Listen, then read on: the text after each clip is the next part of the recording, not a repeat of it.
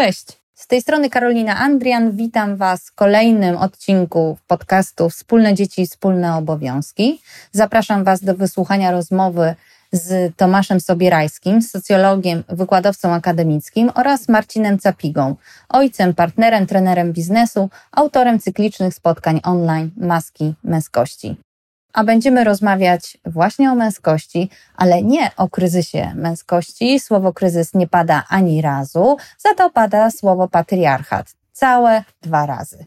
Rozmawiamy o oczekiwaniach wobec mężczyzn, o tym, kto je tworzy, jakie są wzorce męskości i jakim mężczyzną, czy raczej jakim człowiekiem chce być Tomasz Sobierajski i jakim człowiekiem chce być Marcin Capiga. A na koniec oczywiście o dyrektywie work-life balance i o tym, czy polscy mężczyźni są gotowi na dwa miesiące urlopu rodzicielskiego tylko dla nich. Zapraszam serdecznie. Podcast Wspólne Dzieci, Wspólne Obowiązki. Rozmawiamy o partnerstwie w związku, dzieleniu się opieką nad dziećmi i obowiązkami domowymi oraz o innych wyzwaniach i przyjemnościach rodziców. Witam bardzo serdecznie wszystkich słuchaczy. I zaczynamy odcinek e, w trójeczkę z moimi gośćmi, Tomek i Marcin. I będziemy rozmawiać, jak słyszeliście w zapowiedzi, trochę o męskości, trochę o samym, o, o was i trochę o tym, co wy myślicie, co wiecie z badań. Może zacznijmy od tego, e, od takiego, hmm, jak mężczyźni się zmieniają, jeśli w ogóle, w kontekście trzech pokoleń X, Y i Z. Czy widzicie takie zmiany, jakie zachodzą, czy one czy w ogóle ich nie widzicie? Od kogo mogę zacząć? To zaczynam od Tomasza, bo Tomasz ma e, żółtą bluzę i jest to taki fajny kolor ciepły. Tomasz. To jest pytanie, o jaką zmianę pytamy. Czy pytamy o zmianę fizyczną, czy pytamy o kulturową, czy pytamy o psychologiczną, czy pytamy o społeczną, czy pytamy o antropologiczną, bo wbrew tym dość głupim dowcipom, które się często opowiada, mężczyźni są dużo bardziej skomplikowani niż się wielu osobom wydaje i jako ludzie się zmieniamy w bardzo różnych kierunkach. To pytanie też jest, jeśli chodzi o pokolenia, dość trudne. Też od razu uprzedzam, że pewnie u mnie, może też u Marcina też, no, obaj mamy doktoraty, więc często jako naukowcy będzie się u nas pojawiać odpowiedź to zależy, bo to jest takie clue, ale to nie znaczy, że próbujemy uciekać od, od odpowiedzi, tylko rzeczywiście to jest dużo bardziej skomplikowane niż się wydaje, więc jeszcze do tego rodzaju zmian nakładają się kwestie tych generacji, o których wspomniałaś, X, Y, Z i pytanie w ogóle, czy coś takiego jest, istnieje, czy rzeczywiście ludzi można tak dzielić, to bardzo ułatwia oczywiście wielu osobom opowiadanie świata w ten sposób. Natomiast, e, żeby nie komplikować na samym początku już no za właśnie, pierwsze e... potknięcie już, na pierwsze pytanie i pierwsze potknięcie, ale nie przerywam, najwyżej za chwilę się będę tłumaczyć. Mm, to chciałem, nie, nie, w ogóle nie traktujmy tego jako potknięcia, bo to jest bardzo zasadne pytanie. No, Fajnie by było, gdybyśmy rzeczywiście mogli to tak łatwo ułożyć, ale to proste nie jest i chyba z tego powodu się spotykamy. Natomiast mówiąc o tych zmianach, myślę, że ja chciałbym zacząć od tego, że niezmienne jest to, że mężczyźni, tak jak większość ludzi w ogóle, jeśli nie jest y, jakoś zaburzona, niezmienne jest to, że chcemy kochać, chcemy być kochani i to może być dobre wyjście do tej naszej rozmowy i do tego, co będziemy mówić. Więc, więc pewne rzeczy są stałe, natomiast to, jak nas kochają i jak my kochamy, no to może być zmienne po prostu. Mhm. Dziękuję. To ja teraz doprecyzuję, o jakie zmiany mi chodziło. To może doprecyzujmy. Nie będę polemizować z pokoleniami X, Y, Z, tylko bardziej doprecyzuję pytanie. Może porozmawiajmy, już zawęźmy to do takiej wizji męskości i tego, jak definiują się, oczywiście uogólniając, mężczyźni z pokolenia X, Y i Z? Czy widać jakieś wyraźne zmiany, jakieś trendy w tym? Może co, ja, myślę, ja myślę, Karolina, że ja tutaj też zgodzę się z Tomaszem i też ten podział XYZ jest dla mnie takim podziałem dosyć mocno umownym. W ogóle mam wrażenie, że my lubimy podziały, bo te podziały łatwo nam wpadają w głowę i fajnie jest pokategoryzować ludzi i rzeczywiście nawet niektórzy naukowcy uważają, że, że w Polsce na przykład nie ma takiego pokolenia jak milenialsi, że, że to są też pewne teorie, które przychodzą do nas na przykład z zachodu i trudno jest uogólnić to na cały świat. W Polsce jednak mamy też pewien rodzaj kultury specyficznej dla nas, tak, czy specyficznej dla naszych zmian, wynikających też chociażby z historii.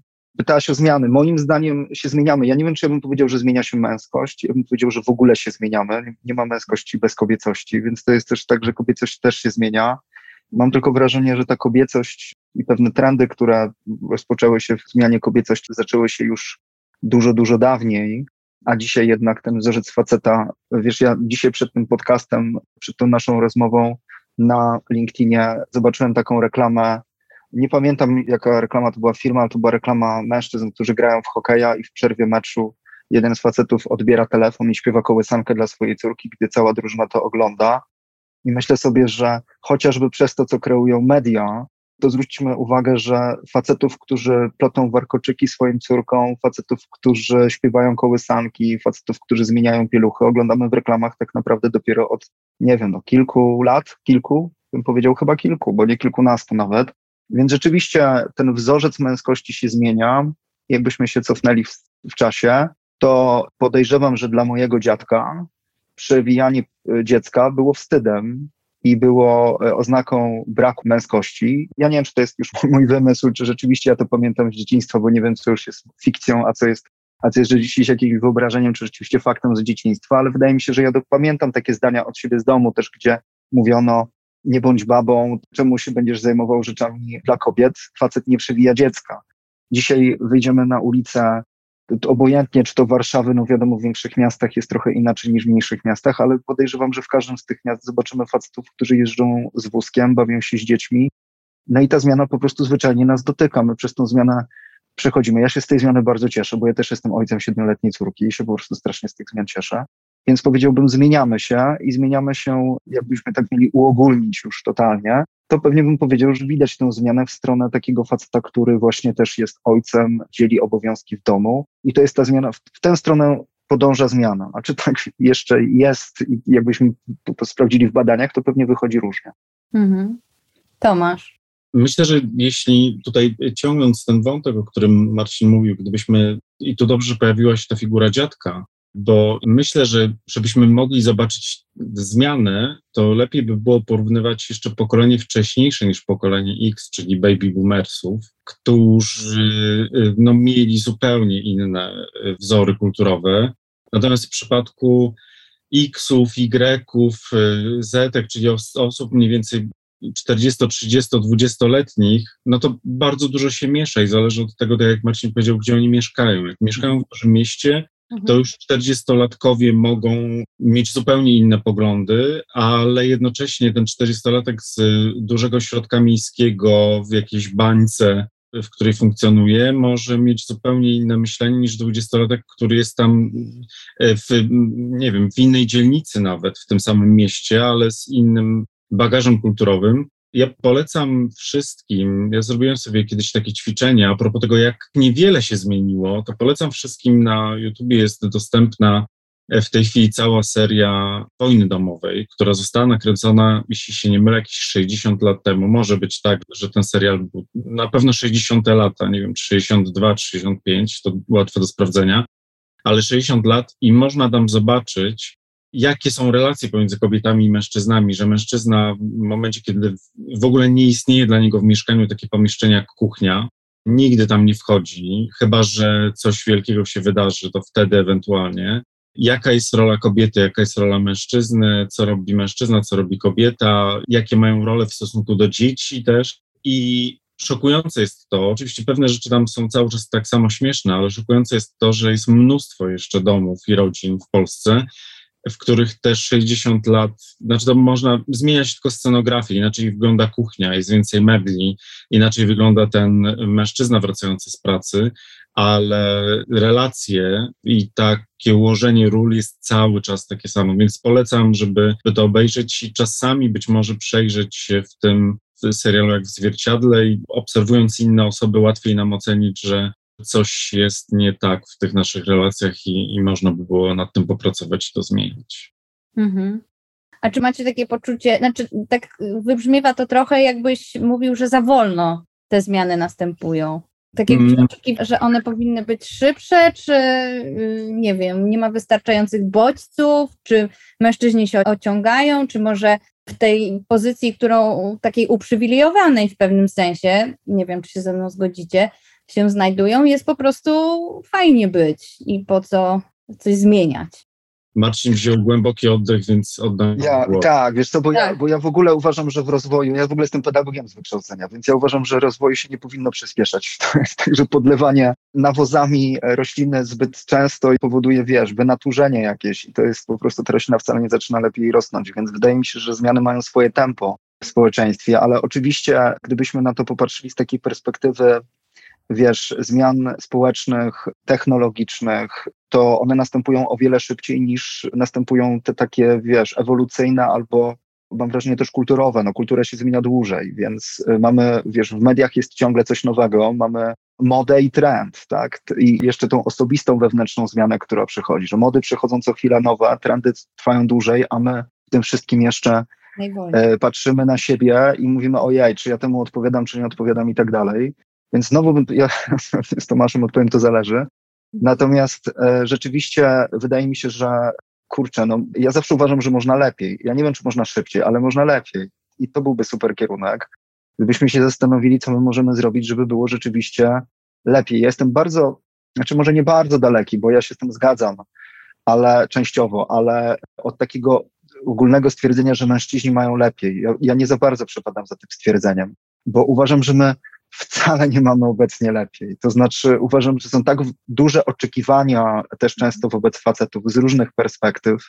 Zresztą, no zwróć uwagę, spotykamy się tutaj dzisiaj też w kontekście takiej zmiany, w której mężczyźni wcale nie mają lepiej, bo na przykład ja jako ojciec, który wydaje mi się jestem świadomym ojcem, mam połowę opieki nad swoją córką też, bo jestem po rozwodzie, więc też połowę czasu ja spędzam z moją córką i mam wrażenie, że jestem aktywnym ojcem, dużo czasu ze sobą spędzamy. E, Chciałbym mieć prawo do tego, żeby mieć taki sam urlop, jak moja partnerka na przykład, która rodzi dziecko. Więc to nie jest tak, że uważam, że wszędzie mamy lepiej, ale rzeczywiście, gdy popatrzymy na pensję, popatrzymy na, na zatrudnienie, popatrzymy na stereotypy, popatrzymy na dyskryminację, popatrzymy na naszą historię, no to oczywiście jesteśmy w takim patriarchalnym świecie, w którym rzeczywiście faceci, no tak, zgodzę się, mają lepiej, ale uważam, że też są pewne obszary, w których jednak dobrze byłoby się przyjrzeć, że ci faceci rzeczywiście wcale tak dobrze nie mają. Mhm. Więc stąd też ten głęboki mój oddech, który uważnie Tomek zauważył. Oddech, wdech i wydech.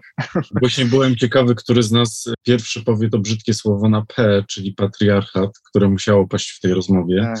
Ale to jeszcze odnosząc się do tej zmiany, o której Marcin mówił, i to jest myślę taka pułapka, wracając jeszcze do, do tej wojny domowej, zresztą no, znamienny tytuł, wiadomo, ale nam się wydaje, że się bardzo dużo zmieniło, bo tak jak powiedziałem, zmieniła się scenografia i jeśli teraz mielibyśmy kręcić tę wojnę domową, no to na przykład ta kuchnia by była dużo lepiej wyposażona. W wojnie domowej była umywalka i, i kran z zimną wodą, teraz by była i zmywarka, i lodówka, tam nawet nie było lodówki w tej kuchni, w tym mieszkaniu. My byśmy wyglądali inaczej i ten ojciec wracający z pracy, i ta matka, która jest w, w domu. To mieszkanie może było większe, może w lepszej kamienicy. I z tego powodu mogłoby nam się wydawać, wow, jak się zmieniło. Przecież taka ogromna zmiana, ale to się zmieniła tylko scenografia, te wszystkie zewnętrzne rzeczy. A ta zmiana, o której my mówimy, do której my dążymy, no jest dużo głębsza i być może z tego powodu komuś może się wydawać, że pewne rzeczy zmieniają się właśnie za wolno i coś powinno nastąpić szybciej. Natomiast ta głęboka zmiana kulturowa w świadomości bardzo wielu ludzi rzeczywiście no, wymaga ogromnej pracy, wymaga też często, ja to nazywam metaforycznie łamania kręgosłupów, jest związana z, e, Marcin jako pedagog doskonale wie, jest związana i z buntem, i z niechęcią, i z innowacją, i z odwróceniem, z bardzo wieloma rzeczami, no bo nikt nie lubi, jak trzeba rzeczywiście tak bardzo mocno zmienić świat. Zresztą widać chociażby w tej chwili bardzo wyraźnie na podstawie feminatywów, co jest niesamowite w, jakby w środowisku, w którym ja się otaczam. Dużo lepiej feminatywy przyjmują mężczyźni niż kobiety. I to też pokazuje, że można zmienić świat na lepsze dla jakiejś grupy, ale też trzeba się zastanowić, czy, czy ta grupa jest na to gotowa, czy nie zrobi się czegoś złego w ten sposób. To jest oczywiście cały czas stąpanie po polu minowym w otoczce tego patriarchatu. I oczywiście trzeba pamiętać o tym, że mężczyźni przez bardzo, bardzo wiele lat byli uprzywilejowani. My ciągle jesteśmy, funkcjonujemy w świecie, takiego XIX-wiecznego białego mężczyzny, który stoi na skórze upolowanego właśnie niedźwiedzia, no bo to jest naprawdę XIX wiek, a my mm. ciągle się tym fascynujemy. I to uprzywilejowanie jest bardzo duże, ale z drugiej strony na przykład przez te wiele lat mężczyźni byli hodowani, a propos rozwoju, hodowani na emocjonalne kaleki, no bo to nie było w ogóle akceptowalne. Więc trzeba umieć odpowiednią miarę do tego dobrać. Mhm. Ja, jeszcze, ja, jeszcze, bym dodał wpływ social mediów bo, e, i w ogóle mediów, bo w tej wojnie domowej mieliśmy telewizor z, z kineskopem albo nie, e, który przekazywał tylko jeden e, rodzaj wzorca być może. A teraz jeszcze mamy rozdźwięk wynikający z tego, że ja mogę być z małej miejscowości, w której te zmiany zachodzą wolniej. To też jest być może jakiś stereotyp, ale no tak pewnie jest. Pewnie nie wszystkie miejscowości małe są takie same. I ja miałem takie, a nie inne wzorce. W mojej rodzinie to zachodziło wolniej. Ja miałem ojca, który bardzo mało spędzał ze mną czasu. On pracował głównie i ja, ja może pamiętam ze trzy razy, kiedy on się ze mną bawił w jakieś zabawy i gry. Więc ja też tych wzorców na przykład osobiście nie miałem. Pewnie gdyby, być może gdybym nie poszedł na takie studia i otaczał się innymi ludźmi, no być może tych wzorców też bym nie miał. Ale myślę sobie o tym, że ja te wzorce obserwowałem w mediach też, w telewizji, w gazetach, w książkach.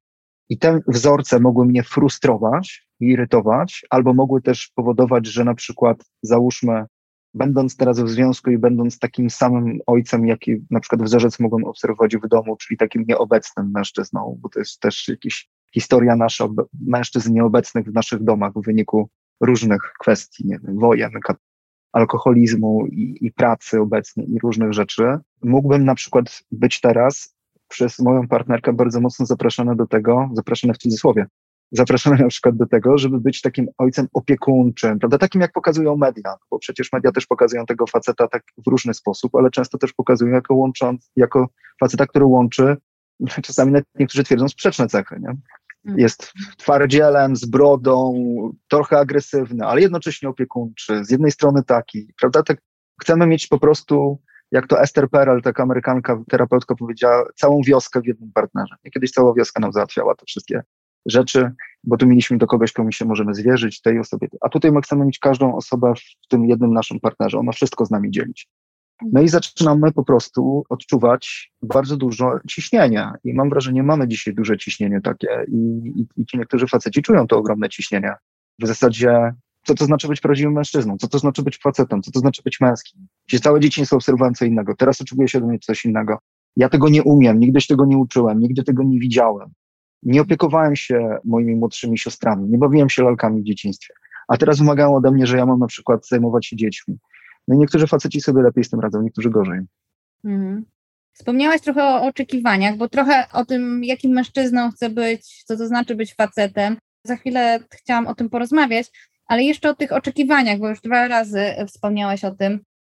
Moje pytanie jest takie, w sumie kto te oczekiwania, i wspomniałeś o tej presji, tak, ogromnej. Zresztą jak rozmawiam z moim partnerem, to też on o tej presji mówi, ale my, ja wtedy o tej mojej presji opowiadam.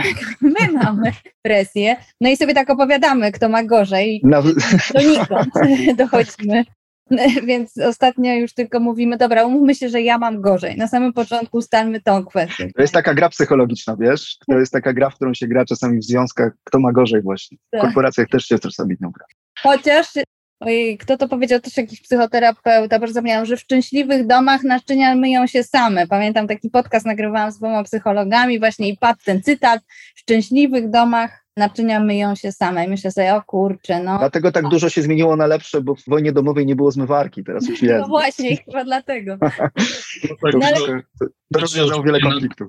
Naczynia zmywa zmywarka, natomiast ktoś musi te naczynia wyjąć z tej Dokładnie, dokładnie, więc też sobie pomyślałam, że ta osoba, która to mówiła, to chyba nie miała w domu po pierwsze nastolatków, którzy nie będą się pisać do żadnej pracy, czy będzie szczęście, czy nieszczęście, to w ogóle daleko od kuchni na 100%. No ale nieważne, wracając do oczekiwań właśnie, jak z tymi oczekiwaniami jest, kto buduje tą presję, bo teraz oczywiście bardzo dużo się mówi, ja czytałam i wasze wypowiedzi, artykuły, że te oczekiwania kobiet i mężczyzn jakoś nie mogą, yy, szczególnie się pisze w kontekście męskości, to pisze się o tych oczekiwaniach kobiet, że kobiety mają jakieś takie wygórowane oczekiwania. Ktoś tam mi powiedział, że tak wysoko poprzeczkę, że nikt tego nie przeskoczy. Jest stawiana. W związku z tym pytanie właśnie, kto kreuje te oczekiwania? Czy to na pewno są kobiety, bo to może sami mężczyźni, może te social media tak tworzą taki wizerunek mężczyzny, który jest absorbowany przez mężczyzn i który jest trudny do e, spełnienia. Jak wy to widzicie?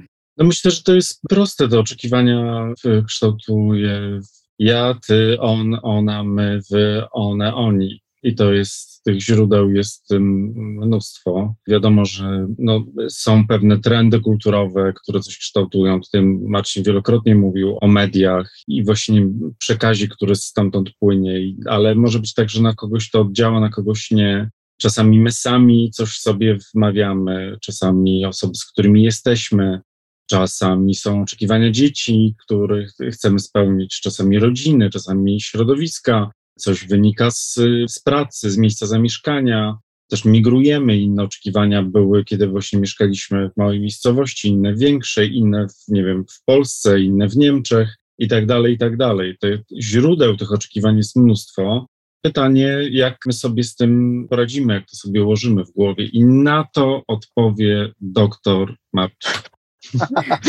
Wiesz co, jak to robisz Tomek, to pamiętam moje początki jako prowadzący szkolenia i prowadziłem je wspólnie z moimi przyjaciółmi w parach i zawsze sobie robiliśmy taki numer w trakcie szkolenia, że podprowadzaliśmy pod pewien moment i mówiliśmy, a teraz odpowie na, to, na ten temat Tomek. I Tomek, prawda, oh my god, co, o czym to było? Dziękuję akurat myślałem o czymś innym. Tak, akurat myślałem o czymś innym, albo akurat go w taką minę trzeba było wprowadzić. Bo ja zanim, nie? jeszcze zanim, zanim odpowiesz na to pytanie, Tomka, to właśnie doprecyzuję, bo mówimy o tych oczekiwaniach wszędzie i z tej strony, i z tej mhm. strony, i ci, i my, ty, oni i tak dalej, no ale jednak taki, jak mówimy w kontekście męskości, to pojawiają się jednak takie zarzuty wręcz w stosunku do kobiet, że to my tak te poprzeczki Mhm. E, Wiesz co? Siłą rzeczy identyfikuję się z tą grupą, no trudno mi się. Ale też uważasz, że tak jest?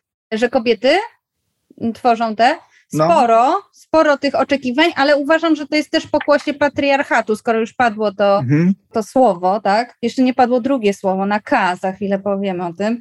Nie wiem, czy już wiecie, ale rzeczywiście często my na przykład robiliśmy badania fokusowe rodziców i też takich młodych osób, którzy zamierzają być rodzicami w kontekście wdrożenia dyrektywy tych urlopów dla ojców. O właśnie i na początku jest oczywiście była rozmowa o męskości, o roli mężczyzny i potem o ojcostwie i z kobietami i z mężczyznami e, rozmawialiśmy o tym. No i na tych fokusach rzeczywiście oczekiwania kobiet są często bardzo sprzeczne. Znaczy one bardzo często są, odnoszą się, dochodzą te nowe oczekiwania do mężczyzn, czyli żeby on był opiekuńczy, żeby on był empatyczny, żeby zajmował się tym i tamtym i tak dalej, ale absolutnie nie ma zejścia z tych oczekiwań wcześniejszych. Znaczy te, ten cały zestaw wcześniejszy też zostaje, tak? Czyli jednak na przykład, żeby był osobą, która gwarantuje stabilność e, rodziny, szczególnie mhm. finansową.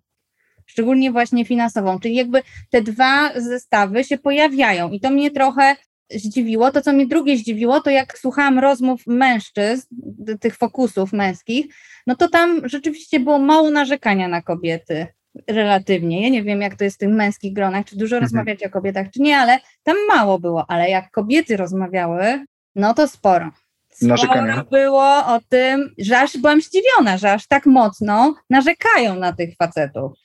Znaczy, no tutaj, zanim jeszcze Marcinie ci oddam, no takie dwie rzeczy. Jedna obyczajowa, druga metodologiczna. Rzeczywiście jest tak, że kobiety są przekonane, że my jak się spotykamy w męskim gronie, to rozmawiamy tylko i wyłącznie o kobietach. Jak jest naprawdę, tego nie powiemy. Co się wydarzyło w Las Vegas, zostaje w Las Vegas. Co się wydarzyło w Ciechocinku, zostaje w Ciechocinku. No właśnie, to, tak. A druga rzecz, a propos tych fokusów i tego mm, zestawienia, to o czym mówisz, to jest też kwestia metodologiczna. Też jako osoba, która przeprowadziła, no nie wiem, ponad 100 fokusów w swoim życiu, już teraz jestem jakby superwajzorsko na to patrzę, to rzeczywiście jest tak, że te fokusy, które są realizowane w męskim gronie i w żeńskim gronie, bardzo się y, od siebie różnią i to, że na przykład mężczyźni mało mówili, a kobiety właśnie dużo, to jest kwestia też metodologiczna tego badania, więc nie, nie chcę też, żeby tak został taki obszar, że nie wiem, że jedna grupa narzekała bardziej, druga mniej, po prostu to jest też specyfika tego badania, więc o tym, o tym trzeba pamiętać. Ale ja... to, że my podprowadziliśmy to w ten sposób? Jest. No pytam się szczerze mówiąc, bo dużo nad tym pracowaliśmy też. Robiła też firma badawcza i tak dalej, więc muszę się dopytać, słuchaj, bo ważne Musi... są dla nas te wyniki. Tak, musi być bardzo dobrze przygotowany scenariusz, żeby właśnie nie uciec w tego typu historie, ponieważ krótko mówiąc, w fokusach, które są realizowane z kobietami, bo to nie jest temat tej audycji, jest tak, że bardzo często rozmowa idzie na gorzej, mniej, słabiej, Natomiast w przypadku mężczyzn rozmowa idzie na bardziej, mocniej, silniej, czyli mężczyźni się bardziej popisują i rozkładają pawie ogony, mówiąc o tym, że sobie ze wszystkim radzą, że jest fantastycznie i każdego kolejnego jest mhm. lepiej. Natomiast w fokusach kobiecych jest tak, że jak jedna kobieta na przykład zacznie, że no u mnie no to jest dramat, to każdej kolejnej, którą będziemy pytać na tym fokusie, będzie jeszcze gorzej. Mhm. Taka jest specyfika tych grupowych spotkań. Mhm. Być może to też wynika z pewnego wzorca, nie? dlatego że generalnie jest tak, że jest ten stereotyp faceta, który nie powinien narzekać, prawda? Więc to też jest tak, że faceci, wiesz, bo to jest też, ja mam wrażenie, bo to jest takie pytanie, czy faceci narzekają na kobiety w towarzystwie? Ale pytanie, czy naprawdę o to pytamy? Mhm. Bo, nie, bo być może innym tym, pytaniem to jest... było o partnerstwie, o tej roli. I na przykład to co, to, mhm. co wyszło, znaczy wyszło, to, co mnie zdziwiło, to takie śmieszne było, bo najpierw jak słuchałam tego fokusu, słuchałam tych mężczyzn opowiadających, oni opowiadają, no wiem o czym rozmawiają faceci, o piłce bardzo dużo i o motocyklach. I to było na początku bardzo zabawne, a potem trochę mniej, jak już zaczęliśmy schodzić na tematy rodzicielstwa, to za chwilę Wam opowiem, ale jak była rozmowa właśnie, co to znaczy być facetem e, w kontekście właśnie domu, no to mężczyźni mówili, że no teraz są takie oczekiwania od, od kobiet, żeby być takim partnerskim, żeby wspierać te kobiety w domu, pomagać im tu sprzątać. I on w zasadzie on to robi, bo co, że ja zreperuję coś, kontakt, to w ogóle nie jest potrzebne, bo kobieta tego nie potrzebuje, no bo w zasadzie one teraz dobrze zarabiają i jak potrzebują czegoś, to przecież może zadzwonić po elektryka, on to zrobi nie ma problemu, więc tym nie zaimponujesz kobiecie, tak? Że to trzeba być właśnie teraz takim nowoczesnym mężczyzną, czyli opiekować się dziećmi, angażować się i tak dalej. No i potem jakiś czas oglądam potem fokus kobiet, rozmawiają o właśnie o, o mężczyznach, no i, jaki to jest prawdziwy facet. No i pada, no to jest taki, który zreperuje kontakt. No i, i po prostu się zdziwiłam, bo tu z jednej strony wyobrażenia mężczyzn, że wiesz, kobiety tego nie potrzebują, że, że sobie świetnie radzą same, a potem nagle pada takie zdanie. Znaczy, jak ja to słucham, to wiesz, to mi się wydaje, że ja się zastanawiam, czy jakbyśmy z Tomkiem zostali sami, to byśmy pogadali o piłce nożnej i o, i o czym tam było jeszcze? Motocyklach. I motocyklach. Ja to bym nie gadał na pewno o piłce nożnej i motocyklach, bo mnie to w ogóle nie kręci. Ale e, to Ty tak... byś gadał o swojej córce. No. Być może, albo o pracy bym gadał, bo moją A, pracę jest moją pasją no tak, też, więc na przykład też uwielbiam. Pewnie bym gadał o córce, o pracy albo o psychologii, nie wiem. W każdym razie, e, wiesz, wracając do tego, co powiedziałaś, mam wrażenie, że to jest pytanie właśnie, ja jeszcze wrócę do tego, co powiedziałem, że to nie jest tak, że jak facet nie mówi, to nie ma problemu. No tak. tak. To jakby jest tylko objaw tego, że on o tym problemie mówi. To jest jedna rzecz dla mnie, więc to jakby właśnie pytanie jest o co jest pytanie. Pytanie jest o to, czy on narzeka wewnątrz, czy na zewnątrz, czy w ogóle nie ma problemu, nie? Bo to jest jakby jedna rzecz, która mnie tu zastanawia. I moim zdaniem podejrzewam, że tam jest dużo frustracji i obaw, bo jak popatrzymy w badania dotyczące samobójstw, to wiesz, to wyjdzie, że chyba siedem razy częściej popełniamy samobójstwo jako faceci niż kobiety, nie? Więc tam jest mnóstwo frustracji, jakichś lęków, strachów i tak dalej, wynikających być może też z tego, o czym mówisz, że nie spełnię się jako prawdziwy, cudzysłowie prawdziwy mężczyzna, czymkolwiek to jest mhm. w tej relacji, jak sobie wyobrażam. Natomiast jak mówisz o tych wzorcach i o tym, wiesz, o tym kto, to wiesz, to ja bym sięgnął nawet troszkę jeszcze głębiej i czy wstecz się przeniósł, bo wiesz, w wychowaniu mówi się o tym, że dzieci się uczą głównie poprzez modelowanie, że my te wzorce, to nie jest tak, że ktoś nam, z jednej strony ktoś nam mówi, jakie my mamy wzorce, ale my też je obserwujemy, po prostu obserwujemy. I dziecko też podczas wychowania te wzorce to nie jest też tak, że jeżeli mamy takiego, a nie innego ojca, to na pewno będziemy takim samym mężczyzną. To jest tak, że dziecko też wybiera pewne wzorce. Jest, taki, jest taka anegdota Erika Berna, twórcy analizy transakcyjnej, który opowiadał, że miał pacjentów dwóch w terapii braci i matka ich wychowywała w trakcie, kiedy źle się zachowywali, to mówiła do nich, wy to kiedyś skończycie w psychiatryku. I Bern to kwitował tę historię w ten sposób, że mówił, i rzeczywiście skończyli, tylko jeden jako dyrektor, a drugi jako pacjent. Więc to jest tak, że dzieci też wybierają. Nie? To, że ja miałem takiego ojca, to wcale nie muszę być takim ojcem. Mogę być innym. Pytanie jest tylko, jaki mamy wachlarz tych wzorców, z których wybieramy. No bo wiadomo, że możemy nie mieć totalnie jakichś wzorców, no albo iść w totalnie przeciwną stronę. Czyli ja na pewno nie chcę być taki jak on, chcę być inny, więc uciekam, idę w inną stronę, nie? Mhm. I teraz kluczem do tego wszystkiego wcale nie jest to, żeby nie być innym jak mój ojciec, tylko być takim, jakim chcę. To jest dopiero wyjście poza schemat i poza wzorzec. Że wzorcem nie jest wybranie innego wzorca niż mój rodzic, który nie był taki, jaki bym chciał, żeby był. Byciem sobą jest wybór tego, kim ja chcę być. I to jest pytanie, mhm. moim zdaniem, o tą męskość, no jakimi my chcemy być mężczyznami dzisiaj. Tak? Mhm. Mhm. I do tego, i do tej odpowiedzi. I tutaj odpowie Tomasz. Tomka, I tutaj odpowie Tomasz. A ja tylko dorzucę właśnie to pytanie, bo bardzo fajnie, że przyszedłeś do tego, bo teraz może zawęźmy to do Was. Jedno pytanie takie już po prostu Wasze, czyli niezależnie. Dobrze, że odbiłem, bo będzie o prywacie, to lepiej Tomek Ty opowiada. Ja... To Tomasz, właśnie jakim, bo ja nie wiem, czy Ty jesteś ojcem? Chyba tak też. Zbyt intymne pytania padają. Zbyt intymne pytania. Okej, okay, dobra, ale jesteś mężczyzną, to już jest na pewno. Okej. Okay. No to teraz właśnie chciałam zapytać, jakim mężczyzną, no właśnie wy, jakim byście wy chcieli być, tak? Jakim jesteście, jakim byście chcieli być? I czy te, mm, czy to daleko od siebie leży, czy, czy blisko? Y, to pytanie zawsze sprawia mi problemy, bo dla mnie to tak jakby ten mężczyzna, ale też w domyśle kobieta, to były w ogóle jakieś dwa inne stwory. Y, no, zawsze odpowiadam to samo, że ja chcę być dobrym człowiekiem. Mhm. I oczywiście pewne rzeczy mogą mnie kształtować, natomiast to nie znaczy, że jak y, to, że mam e, jakąś tam ilość testosteronu, większą, mniejszą, to będę robił jakoś coś szczególnie inaczej w tym, żeby być tym dobrym człowiekiem. Także to, to jest ta odpowiedź, którą mogę, najbardziej osobista, którą mogę dać w tej rozmowie. Mhm. A wzór męskości, który dla ciebie jest takim fajnym wzorem, to jak byś go zdefiniował? Mm. Też po prostu połączyłbyś go jako po prostu wzorem e, dobrego człowieka, czy to by było, nie wiem, węższe, szersze, czy jaki zestaw cech byś tam teraz jak zadałeś mi to pytanie, to zdałem sobie sprawę, że nigdy czegoś tego nie miałem jak wzór męskości. Może to też wynikało z tego, że uciekałem od autorytetów i tego też uczę moich studentów, żeby zawsze bardzo uważnie się przyglądali autorytetom, bo ich dekonstrukcja jest dużo ciekawsza. Zresztą to, co Marcin powiedział wcześniej, jaki chce być albo właśnie jaki chce nie być potem budować siebie na pewnych założeniach. Więc wydaje mi się, że wzór, autorytet to jest coś, co bardzo ogranicza. I oczywiście można mieć kogoś, kogo się stawia za wzór, tylko też trzeba pamiętać o sobie. I o tym, bo mogę mieć kogoś za wzór, ale nie mam takich możliwości, albo to nie jest ten czas, albo nie mam takich możliwości, albo nie mogę osiągnąć tego, co tamta osoba i będę po prostu całe życie sfrustrowany, bo właśnie nie będę taki jak mój ojciec, wujek, dziadek czy ktokolwiek inny, ale po prostu nie mogę być, bo są zupełnie inne okoliczności, więc te wzory to z tym też bym był bardzo ostrożny.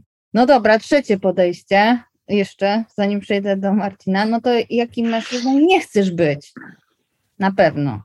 Skoro mm. mówimy o dekonstrukcji autorytetu. Mm, podłym, złym, to są te, nie wiem, wrednym, e, e, jakoś dziko e, pamiętliwym, mszczącym się. Czyli takie tak, ludzkie generalnie cechy bardzo Jakim człowiekiem po prostu nie chcesz być? Marcin. Bo facet to człowiek generalnie. Tak jak kobiety. No, tylko wiesz, bo jak o to pytasz, to wiesz, to, to ja też, co ciekawe, wczoraj miałem ze swoją partnerką taką dyskusję, ona mi dokładnie zadała to samo pytanie. Rozmawialiśmy o męskości i kobiecości w szkolacji i właśnie sobie zadawaliśmy pytanie, jakim ja bym chciał być mężczyzną, jaką ona chciała być kobietą. I wiesz, i te cechy, które ja wymieniam zazwyczaj, to są cechy, które myślę, że mogłaby wymienić równie dobrze kobieta, bo jak ja bym sobie wymienił, wiesz, że chcę być odważna, E, że chce być zaradny, że chce być e, wrażliwy, czuły, dawać sobie przestrzeń na to, żeby móc zapłakać na przykład, albo wyrazić emocje, albo żeby odpuścić. Wiesz, i to są takie rzeczy, które ja myślę, że mogłaby równie dobrze powiedzieć kobieta, albo moja partnerka, czy, czy nie wiem, koleżanka, moja przyjaciółka, siostra, brat. E, każdy, kto mnie otacza, mógłby to powiedzieć, więc trochę rzeczywiście ja uciekam od takiego stwierdzenia cechy prawdziwego mężczyzny, bo ja sobie myślę, że w ogóle y, to pytanie cechy prawdziwego lidera, cechy prawdziwego, że łatwiej jest powiedzieć, jaki nie powinien być, niż jaki powinien być często, a, a z tym też nawet będzie trudno. Mhm. Więc y, wiesz, a, a, paradoksalnie, wiesz, mi się też ten wzorzec męskości zmieniał na przykład na przestrzeni lat. Wiesz, no bo ja miałem na przykład jakiś wzorzec przekazywany w domu. I to jest też ciekawe, bo jak ty zadawałeś to wcześniejsze pytanie, kto nam przekazuje te wzorce? Ja uważam, że jednak raczej w moim życiu przekazywały mi je głównie kobiety. Dlatego, że jak nie było ojca, i myślę, że w wielu domach tak było, mhm. że jak ten ojciec był nieobecny, to dostawaliśmy te wzorce głównie od babci i mam, które nas wychowywały. I mhm. one nam mówiły, jak, to Robert Bly też w takim książce Żelazny Jan o tym mówi, tak, że dostawaliśmy te wzorce od, od kobiet często, no i one nam mówiły, jaki powinien być prawdziwy mężczyzna, tylko nam mówiły przez swój pryzmat, jaki one chciałyby mieć partnerów, więc to już było przefiltrowane przez żeński pryzmat, więc też dostaliśmy taką informację, jak to moja babcia mówi, że facet powinien być do tańca i do różańca, nie?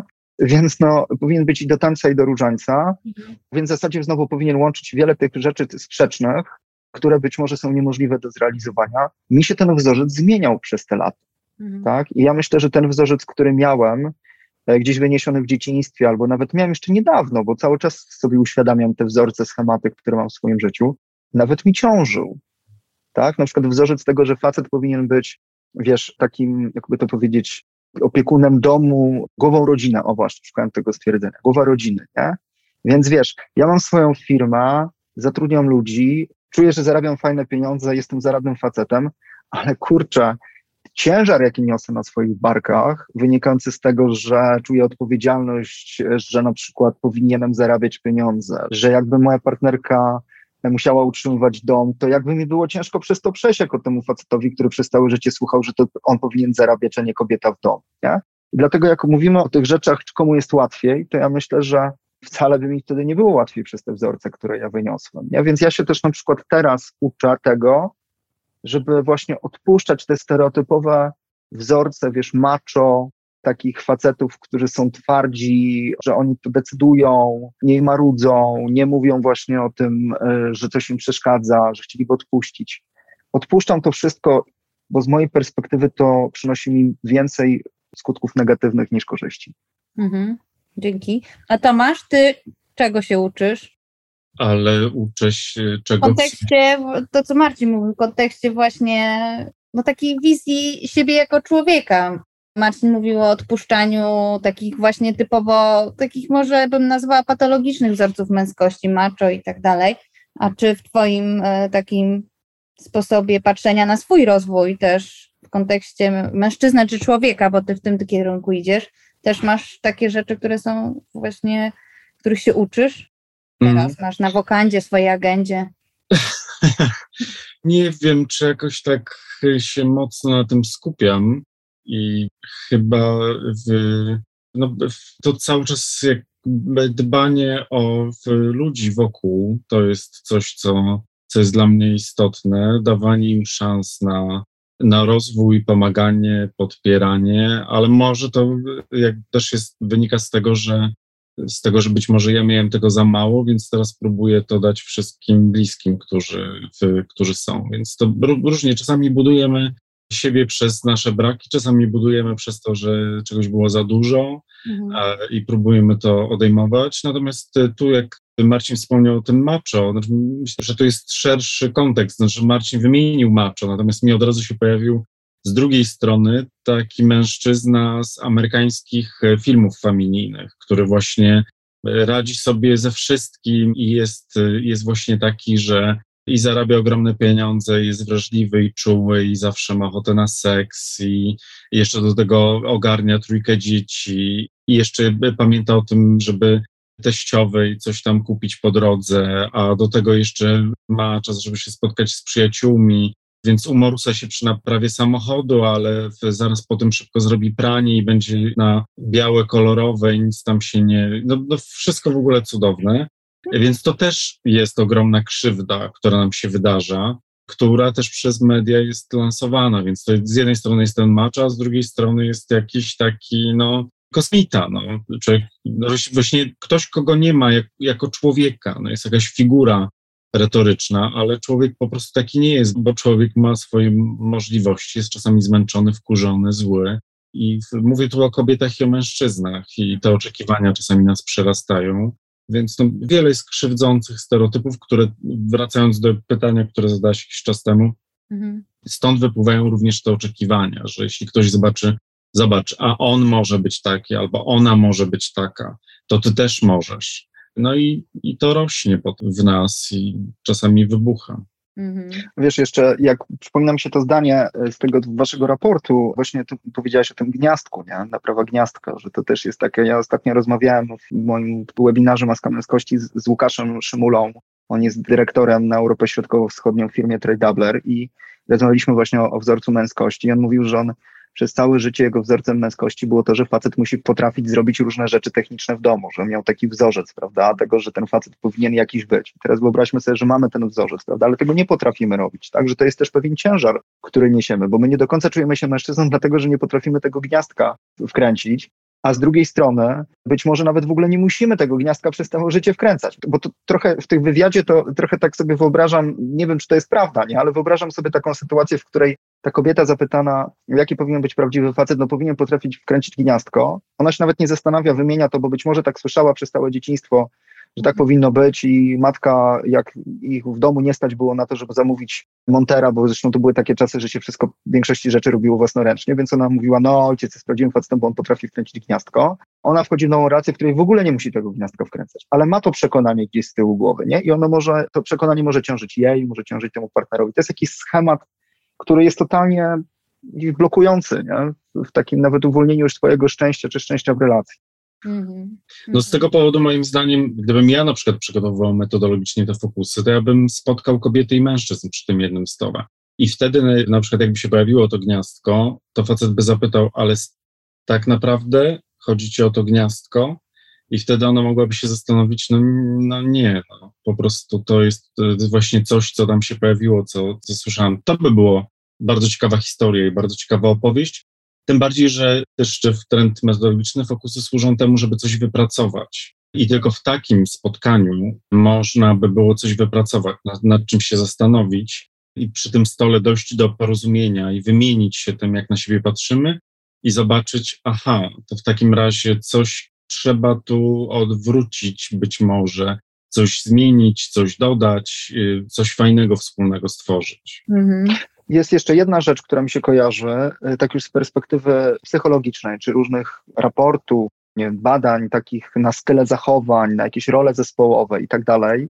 Często jest tak, że pewne role, które przyjmujemy w zespole, czy mamy jakieś tam, prawda, style zachowań i tak dalej, style komunikacji, typu, nie wiem, jesteśmy ekstrawertykiem, intrawertykiem, prawda, lub jesteśmy typem bardziej zadaniowym, socjalnym i tak dalej, to wychodzi nam w tych różnych testach takich, które się robi, to, że często jakieś role pociągają ze sobą też pewne braki jednocześnie, prawda, no bo wiadomo, że jak jestem ekstrawertykiem, to ja mam pewne swoje mocne strony i w pewnych obszarach będę miał pewne słabe strony, tak, bo być może będę właśnie miał problem z tym, żeby posiedzieć w ciszy gdzieś i tak dalej. I to jest też to, o czym mówimy, że są pewne style zachowań, że na przykład osoby, które są bardziej dominujące, być może na przykład nie będą miały problemy z łatwym podejmowaniem decyzji, co może być stereotypowo rozumiane jako męskie, ale jednocześnie to będzie pociągać za sobą to, że one być może będą czasami dominować i mieć tendencję do urażania uczuć innych ludzi. A my byśmy chcieli i to, i to. Byśmy chcieli, żeby ktoś był i decyzyjny, i jednocześnie był miłym misiem, który się przytuli, prawda? A to po prostu psychologicznie też nie idzie w parze często. Więc zwróćmy uwagę, pójdźmy do, do poziomu niżej. To nie chodzi tylko o to, czy ty jesteś facetem, czy kobietą, tylko jakim jesteś człowiekiem, jaki masz, jaką masz osobowość. Że to będzie pociągać ze sobą pewne jak Meredith Belbin, twórca teorii ról zespołowych, mówił, że bierzesz rolę z całym jej inwentarzem, że to jest tak, że ta rola pociąga ze sobą pewne wady i zalety, tak? Mhm. Słuchajcie, powoli nam się kończy czas, a ja chcę jeszcze jedno pytanie na koniec, ponieważ to jest podcast Wspólne Dzieci, Wspólne Obowiązki Fundacji Chef de Care, która zajmuje się urlopami rodzicielskimi, to nie może nie paść to pytanie, ale skrócę je.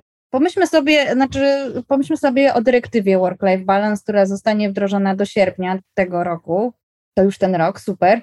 Dwa miesiące urlopu rodzicielskiego tylko dla ojców, czyli albo korzystasz, albo po prostu ci przepada.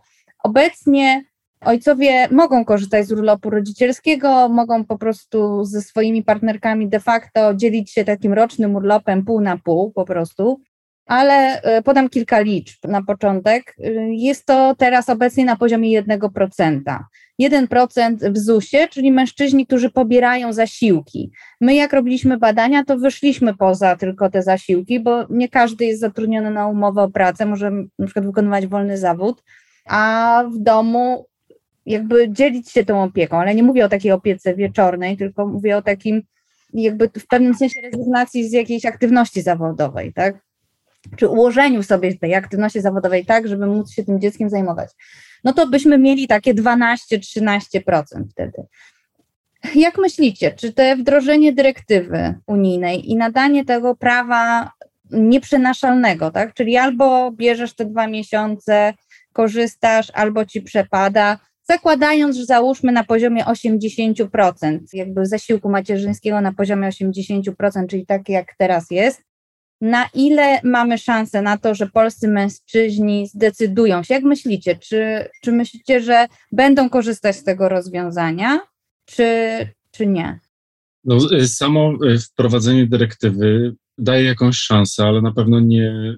No, trzeba było no, wierzyć bardzo mocno w myślenie magiczne, że wprowadzimy dyrektywę i świat się odmieni i wszyscy ze śpiewem na ustach pójdą na mężczyźni na y, urlop rodzicielski. To wymagał bardzo dużej pracy, edukacji, być może wprowadzenia tych wzorów do polskich seriali, bo to świetnie działa na ludzi, mówienia o tym częstego i po jakimś czasie ewentualnie mogą być efekty tej dyrektywy. Natomiast na pewno to nie stanie się z dnia na dzień. No, chciałbym się mylić, ale nie bardzo w to wierzę. Mhm. Marcin? Wiesz, ja myślę, że tak, po pierwsze tworzenie odpowiednich warunków zawsze jest fajne, tak? Ja uważam, że jeżeli tworzymy warunki, to, to jest większa szansa, że z nich skorzystamy. To jest tak jak, wiesz, no, nie wiem, ze studiami dla dzieciaków, które nie mają pieniędzy na studia. Jak są warunki, to zawsze jest większa szansa, że ktoś, kto będzie miał motywację, będzie miał mniejszy próg wejścia, niższy próg wejścia i to jest zawsze fajne. Ja sobie wyobrażam, że jeżeli bym pracował w korporacji, myślę, że moi przyjaciele, których znam, którzy są ojcami, myślę, że na pewno skorzystaliby z tej opcji. Bez dwóch zdań skorzystaliby z tej opcji, więc myślę, że to na pewno, raczej jakbym miał szacować, to podejrzewam, że zwiększy to odsetek mężczyzn, którzy będą z tego korzystać. Natomiast ja cały czas jestem, e, mam z tyłu głowy takie podejście, że to jest jednak, że wychowanie dzieci jest partnerską decyzją, tak? To znaczy, oczywiście ja tu mówię, być może używam myślenia życzeniowego, bo ktoś, kto posłucha, to powie sobie super, to brzmi w teorii. Natomiast ja uważam, że to jest jednak decyzja partnerska i z jednej strony wydaje mi się, że jeżeli mężczyzna będzie brał ten urlop, to pytanie jest, czy on będzie się zajmować tym dzieckiem w domu, a druga rzecz, czy kobieta mu pozwoli zajmować się tym dzieckiem w domu, bo to mhm. jest też kwestia wyręczania czasami mężczyzn w pewnych y, rzeczach, bo ten wzorzec nie dotyczy tylko mężczyzn, tylko też kobiet. Tak? I ten wzorzec już wspomnieliśmy o tym patriarchacie, to nie jest tylko tak, że, że faceci tutaj są, prawda, nie chcą, bo tak się też zdarza, że nie chcą, ale też czasami kobiety uważają, że faceci się nie nadają, albo nie są w stanie, albo nie zostawię dziecka z mężczyzną, bo on nie da rady, nie puszczę go na wyjazd, na wakacje, bo on po prostu sobie nie poradzi. I zaczynamy tego faceta jako ojca tam, prawda, kastrować. I, I to jest tak, że ten ojciec sobie później nie ma szans na to, żeby się tym dzieckiem zająć. Tak? Myślę, że to po prostu trzeba obopólnego zaangażowania do tego. Ale jestem bardziej optymistą niż pesymistą. Mhm. No tak, jeśli powiem Wam, że jak w Islandii prowadzono właśnie taki urlop rodzicielski blokowany, powiedzmy nietransferowalny dla ojców, to skoczyło im z 1% do 85%. Znaczy ja też jestem optymistką, ale moim optymistycznym scenariuszem to chyba jest 15%, to jest maks. Hmm raczej. No ale zobaczymy, czas pokaże, co się będzie. Wiesz, bo to jest znowu to pytanie, być może ja tak wiesz, coachingowo trochę do tego podchodzę, ale dla mnie jest zawsze pytanie, na czym nam tak właściwie zależy? Czy nam zależy na tym, żeby mężczyzna brał więcej urlopu, czy nam zależy, żeby on się bardziej angażował w opiekę nad dzieckiem? I to jest tak, że my znowu obserwując te statystyki będziemy obserwować, że tych mężczyzn jest więcej wzięło urlopów, ale czy oni się rzeczywiście opiekują dziećmi, to to jest zupełnie już inne pytanie dla mnie. I dla mnie to będzie ze sobą korelować oczywiście, bo jest większa szansa, że jak ten facet będzie w domu, będzie większa szansa, że on się zajmie tym dzieckiem.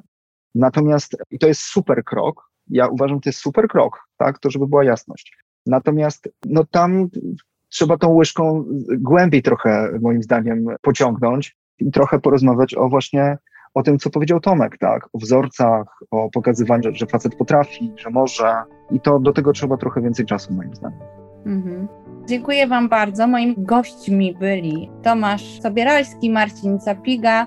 Dziękuję Wam bardzo za rozmowę. Musimy kończyć, bo ponad Dzięki. godzinę nagrywamy, więc ja bym tutaj jeszcze coś dodała, ale czas na wieczór dla siebie. Dziękuję Wam bardzo. Dzięki. Dziękujemy za Twoją uwagę. Jeśli podobał Ci się ten odcinek, poleć go osobie, dla której może być pomocny, albo napisz o nim w swoich social mediach. A może masz uwagi? Chcesz, abyśmy koniecznie poruszyli konkretne zagadnienia? Napisz do nas o tym. Czekamy na Twoje sugestie.